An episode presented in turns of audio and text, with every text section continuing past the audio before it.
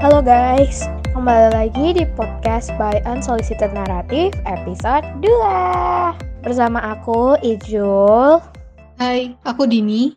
Dan aku Fatihah. Halo Dini, halo Fatihah Oke guys, gimana nih sekarang eh, kabar kalian selama kuarantin ini? Apakah kalian senang? Atau mungkin malah stres? Atau malah biasa aja? Jujur kalau aku sih kerasa biasa aja, tetapi kayak tertekan gitu loh. Tahu nggak sih maksud aku? Biasa tapi tertekan. Jadi kayak gimana ya? Kayak kamu awalnya stres tapi kayak lama-lama kerak biasa stres itu jadi kayak stres itu yang biasa gitu loh. Iya tuh, bener kata Fatia. Mungkin karena sebenarnya waktu awal-awal kayak stres gitu kayak aduh online, aduh, aduh, nggak bisa keluar, aduh semuanya kayak nggak bisa ngapa-ngapain. Terus akhirnya kayak tertekan sendiri. Tapi karena kita udah berapa bulan sih kayak sekitar lima bulan, enam bulanan nggak sih hampir setengah tahun sendiri karantina. Terus jadinya kayak terbiasa gitu kayak ah here we go again kayak gitu gak sih? Kalian nggak mau nanyain kabar aku nih? Ya udah deh, gimana kabarmu Jul? Kamu baik-baik aja nggak selama pandemi gini? Apalagi kan kamu juga kuliah, ada kegiatan lainnya juga kan pastinya. Eh kabar aku gimana ya? Hmm, ya sama sih sama kayak gini kayak eh, biasa-biasa aja. Tapi ya dibilang biasa-biasa sih enggak juga karena kadang seneng. Tapi dibilang seneng juga enggak, kadang stres gitu. Jadi kayak mungkin kayak setengah-setengah gitu. Seneng sih sebenarnya.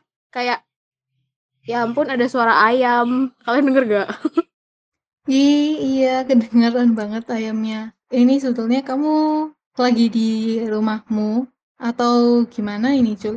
Ayo gimana yuk? Ya lagi di rumah aku lah. Masa aku di rumah tetangga aku kan nggak mungkin.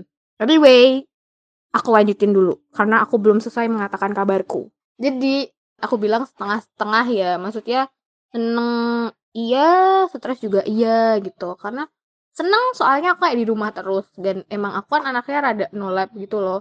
Kayak nggak nggak suka keluar-keluar. Jadi kayak di rumah tuh ah, asik banget di rumah aku bisa tidur sesuka hati gitu. Tapi stresnya adalah karena semuanya jadi online kayak mau ketemu teman susah, kuliah online kayak harus pakai gimmick segala macem dan aku kan nggak pakai wifi kan jadinya kayak boros banget boros kuota terus PPSMB aja online gitu loh. Kan aku juga salah satu panitia PPSMB faku- fakultas kan. Itu kerasa banget bedanya kayak jadi kayak ya seru sih cuma kayak kurang hype aja. Kan kalau dulu PPSMB Kampung Budaya 2019 kan kita langsung lihat Sastro Muni manggung gitu kan bisa kayak jingkrak-jingkrak gitu terus bisa ketemu kenalan sama temen cara langsung jabat tangan langsung. Sekarang tuh nggak bisa kayak semuanya lewat online kayak kamu lihat video materi kamu ngisi kuis dan kayak nggak bisa sedekat kayak langsung gitu loh kenalannya nah itu sih yang aku sesalkan gitu kayak kita nggak bisa sedekat itu gitu nggak bisa seguyup nggak bisa se ya sedekat itu sih maksudnya Jadi, kalau menurutku sih aku juga hampir sama loh sama kamu, Jul.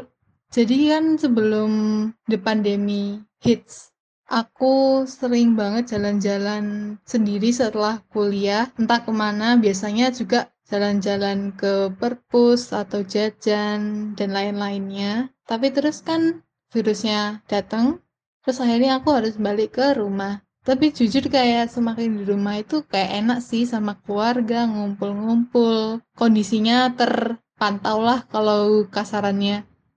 Tapi juga suntuk banget akhirnya kalau di rumah terus sampai nanti akhir semester. Setelah itu di rumah juga harus kuliah kan, kewajibannya tetap harus jalan. Dan itu juga bikin semakin tertekan kayak tugasnya nggak semakin banyak selesai satu nambah lagi nambah lagi kayak ah Yes, I totally feel the pain. Kayak bener-bener tugas itu nggak ada habisnya, habis nggak dapat feel-nya kuliah, nggak dapat feel-nya berkegiatan apa-apa.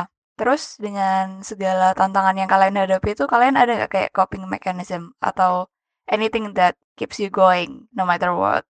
Kalau aku sih Fat, mmm, lari ke ngurusin rambut. Semenjak karantina ini kayak rambutku tuh menjadi alasan untuk tetap melanjutkan hidup gitu.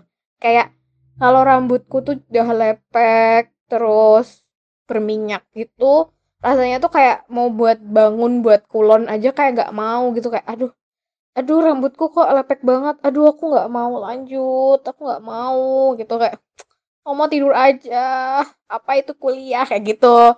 Terus ya udah semenjak itu kayak aku sadar, oh berarti aku harus ngelakuin sesuatu ke rambutku gitu. Jadi kayak selama karantina ini aku kayak lebih merawat rambut. Kayak aku kemarin di bulan Juni potong rambut, pertama kan panjang tuh. Terus kan aku kayak ingin sesuatu yang baru biar nggak stres-stres banget gitu. Akhirnya aku potong rambut, tapi kayak masih ada yang kurang. Terus apa ya? Akhirnya aku ngecat rambutku deh. Nah, itu tuh kayak bikin suasana baru gitu, kayak aku jadi mengembalikan semangat untuk kuliah gitu. Aku ganti warna rambut jadi warna warna rambut jadi warna pink. Tapi hasilnya kayak buah naga. Hmm. It's a really good self-care.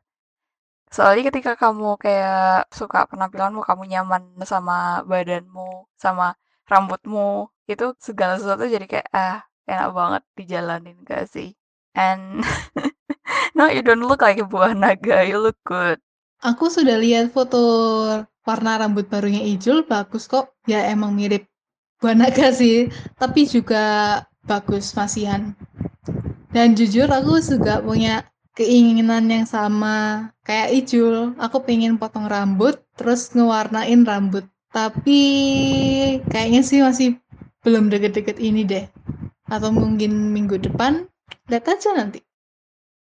Kalau coping mechanism, kayaknya aku berusaha menyibukkan diri dengan hal-hal lainnya selain kuliah sih. Dan aku rata-rata tiap weekend berusaha biar nggak kepikiran kuliah dan tugas-tugas yang menungguku di hari Senin. Oh, sama Din. Aku juga kalau setiap hari Sabtu gitu kayak berusaha biar aku nggak inget punya tugas di hari Senin. Jadi kayak kayak melarikan diri kayak eskapism gitu gak sih? Betulnya kesibukanmu selama karantina apa sih, Din? Kesibukanku tidur. Dini, tidur itu bukan kesibukan tahu, Din. Tidur itu kewajiban. Enggak, enggak, enggak. Aku guyon, aku guyon. Kesibukanku sih anu ya. Mungkin hobi lebih ke hobi. Jadi aku baca baca-baca buku. Terus kalau enggak gambar biar lebih nggak sepaneng banget lah kalau misalnya mikirin besok harus ngapain lagi besok ada kuliah gitu dan sempet ngurusin acara-acara juga sih kayaknya itu aja kesibukanku untuk deket-deket ini guys guys guys btw episode 2 ini kita mau ngobrolin apa sih guys sebenarnya kan kita dari tadi udah ngomongin kayak kuarantin itu gimana terus Kuarantin ngefek apa aja di kamu gitu kan. Nah, sebenarnya itu kita mau ngobrolin apa? Jadi, sebenarnya topik kita hari ini adalah maintaining our mental well-being in the middle of this pandemic. Apakah kalian punya cerita kalau kesah selama pandemi ini berlangsung nggak? Kalau boleh jujur sih sebenarnya ya aku masih tetap stres karena ya mungkin karena wajar nggak sih kalau orang tuh kayak suka overthinking gitu itu kan wajar banget ya terus kayak sama online ini kayak semakin semakin ngerasa kayak energi negatif tuh berkumpul gitu uh, energi negatif tuh kayak berkumpul di sekitar karena kita jarang keluar jarang, jarang sosialisasi gitu jarang ketemu temen kita cuma di dalam kamar terus terus juga nggak kena sinar matahari itu tuh kayak lebih mudah bikin kita ke-trigger gitu loh, kayak lebih mudah ke-trigger sama hal-hal negatif. Let's kayak kita kan kita bukanya jadi sosial media, terus sosial media, terus dan di situ kayak semakin lama karena karantin ini kayak orang tuh kayak semakin gampang terpicu gitu, kayak dikit-dikit ribut, dikit-dikit ribut, nggak tahu di komen Instagram lah, nggak tahu di Twitter lah, kayak di main face gitu. Itu jujur kayak bikin aku stres sih, kayak terutama kan aku kan juga suka fangirling gitu. fandom-fandom tuh kayak pada fan war gitu kayak ya ampun hmm, capek banget lihatnya hmm. Fandom tempat di mana kamu kayak bersenang-senang pergi untuk distress itu malah jadi kayak stressful gitu. Iya bener banget karena fandom itu kayak rumah kedua aku gitu. Nah salah satu cara aku buat ignore keributan itu tuh biasanya aku paling mute kata-kata atau mungkin karena aku punya banyak akun aku kayak switching gonta-ganti akun gitu biar aku nggak nggak terlalu ngikutin fanwarnya gitu. Kayak aku nggak nggak harus ngeliatin orang ribut setiap saat. Atau ya kalau nggak aku deactivate sih. Karena ya emang sosial media tuh nggak bisa dibilang tempat pelarian yang baik gitu. Terus aku ini sih nyari kesibukan. Sebenarnya kan karena aku aku tuh dulunya kayak kayak no lab banget gitu kan nggak ngapa-ngapain. Terus selama karantina ini aku berusaha untuk ikut kepanitiaan banyak kepanitiaan gitu kan itu lumayan kayak bikin aku kayak aku jadi lebih fokus ke kerjaan kepanitiaan gitu. Dan itu kayak bikin aku lupa kalau misalnya lagi stres itu bikin lupa sebenarnya soalnya kayak apa ya ketika kamu sibuk ya udah lupa sama masalah kamu gitu. Terus nanti sampai rumah tinggal tidur bangun rapat tidur repeat gitu. Ya dengan syarat dan ketentuan berlaku sih kayak ada makan dan segala macamnya. Kalau kamu gimana Din It's great that if you could maintain your stability in this kind of situation, apalagi kan kalau mau keluar harus mikir-mikir dulu, mulai dari persiapannya, kebersihannya. Kalau pulang nanti apa kamu yakin kamu nggak bakalan ada COVID-nya dan akhirnya kamu harus bersihin diri, repot banget kan? Terus kalau misalnya kamu mau ngomong sama temenmu tentang situasi ini atau something that is deeply personal to you, bakal susah banget kayak pasti kamu mikir kayak gini. Kalau aku ngomongin tentang emosionalku, kegelisahanku, kesedihanku ke temenmu, apa kamu yakin dianya nggak bakalan kepikiran tentang kamu? Dan akhirnya jadi nimbun gitu loh di dalam diri kita sendiri. Emang enaknya gak usah deh, kita gak usah ngerepotin teman kita. Kita tahan dulu aja sampai akhirnya nimbun, nimbun, nimbun, dan boom, it's a time bomb. Aku juga sempet sih kayak gitu. Kayak aku mikir, aduh tugasku banyak banget. Ini belum sama tugas ke tugas uh, acara, tugas ini, tugas itu, dan aku pengen aku pengen banget ngomongin itu ke teman-temanku atau ke ya yang aku kenal lah. Tapi terus kepikiran nggak deh nggak usah. Dia pasti ada kesusahannya sendiri dan akhirnya malah ya itu disimpan sendiri. Dan ya kalau misalnya kalau Ijul jawabannya untuk distressing atau self care-nya kan gitu. Nah, kalau aku itu aku jujur bakal tidur sih. Aku tinggal tidur semuanya.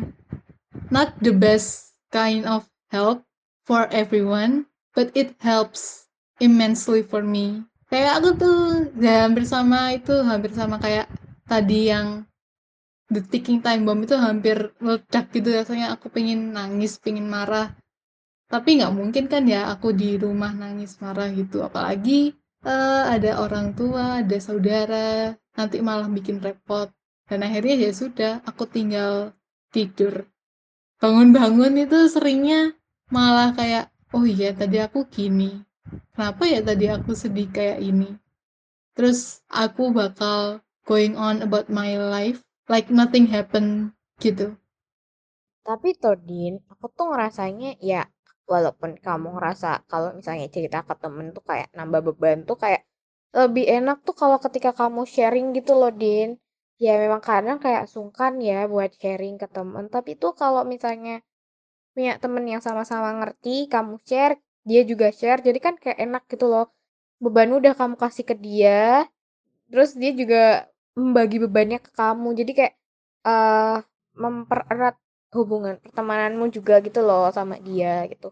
Ya walaupun kadang kalau misalnya jawabannya tidak sesuai dengan ekspektasi memang kayak aduh nyesel deh aku cerita. Kayak mungkin kepikiran kayak gitu ya. Cuma kayak kalau saling sharing sama teman-teman sambat bareng gitu tuh kayak lebih enak gitu loh kayak jadi lebih tenang daripada kamu harus nimbun gitu. Karena aku pernah kan pernah kayak aku tuh itu aku bener-bener kayak yang semuanya aku timbun kan kayak aku timbun terus aku juga ikut kepanitiaan terus aku ya kayak suasana rumahnya juga sedang tidak baik gitu kan. Aku lagi ngerjain nih aku kayak lagi bikin laporan atau apa gitu aku nggak ngerti aku lupa. Terus tiba-tiba aku nangis. Padahal aku lagi dengerin lagu dangdut koplo. Tiba-tiba aku nangis terus kayak satu rumah langsung bingung panik gitu. Kamu kenapa? Kamu kenapa? Ayo tidur dulu gitu. Iya sih tidur juga membantu sekali sih jujur itu membantu sekali. Tapi ya kembali lagi sih mungkin orang tiap orang beda-beda ya cuma ada baiknya kamu juga share ke temenmu terus ya kita, kamu sahabat bareng aja ajak ajakin aja temenmu sahabat bareng pasti pasti pada mau sih sahabat bareng kayak karena kan sama-sama ngerasain gimana susahnya karantina susahnya harus apa-apa online tuh jadi kayak enak nyambat bareng gitu Iya, kata Ijul benar. Kayak sambat bareng itu mungkin gak bakalan nyelesaikan setiap masalahmu, cuman itu ngurangin beban, ya kan? Ya, betul banget, Pak. Ya memang tidak mengurangi masalah, ya poinku di situ memang tidak mengurangi masalah, tapi bikin kamu jadi lebih relax aja gitu loh. Kayak, oh berarti nggak cuma gue doang yang merasakan ini, kayak gitu. Oh iya, kalau kamu gimana, Fat, BTW selama karantin ini? Kayak mungkin sih kadang suka overwhelm sendiri, kadang kayak mungkin kepikiran sesuatu atau mungkin insecure gitu.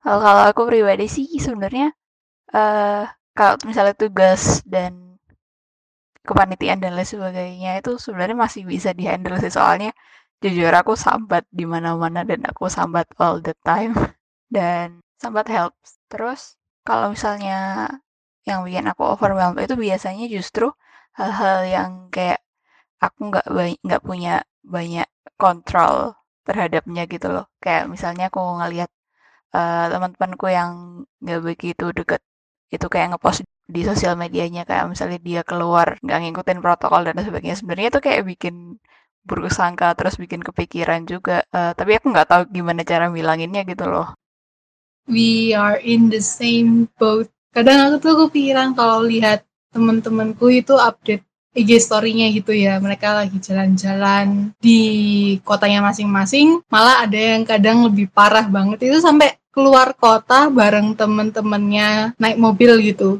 Sebetulnya kalau dipikir-pikir itu kayak, kok kalian gitu ya? In this kind of situation.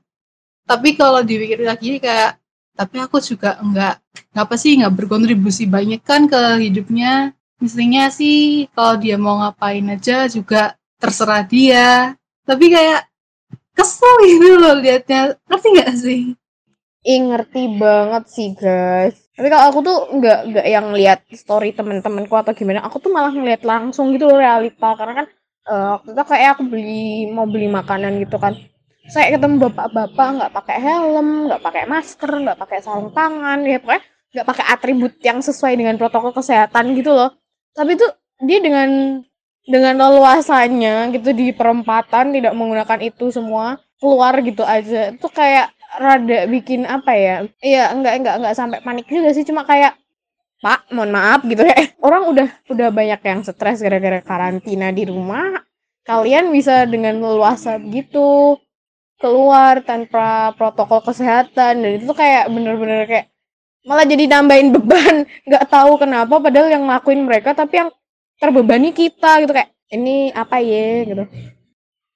Gimana kalau kita ngomongin soal pentingnya menjaga mental well-being selama karantina ini. Ya nggak sih guys?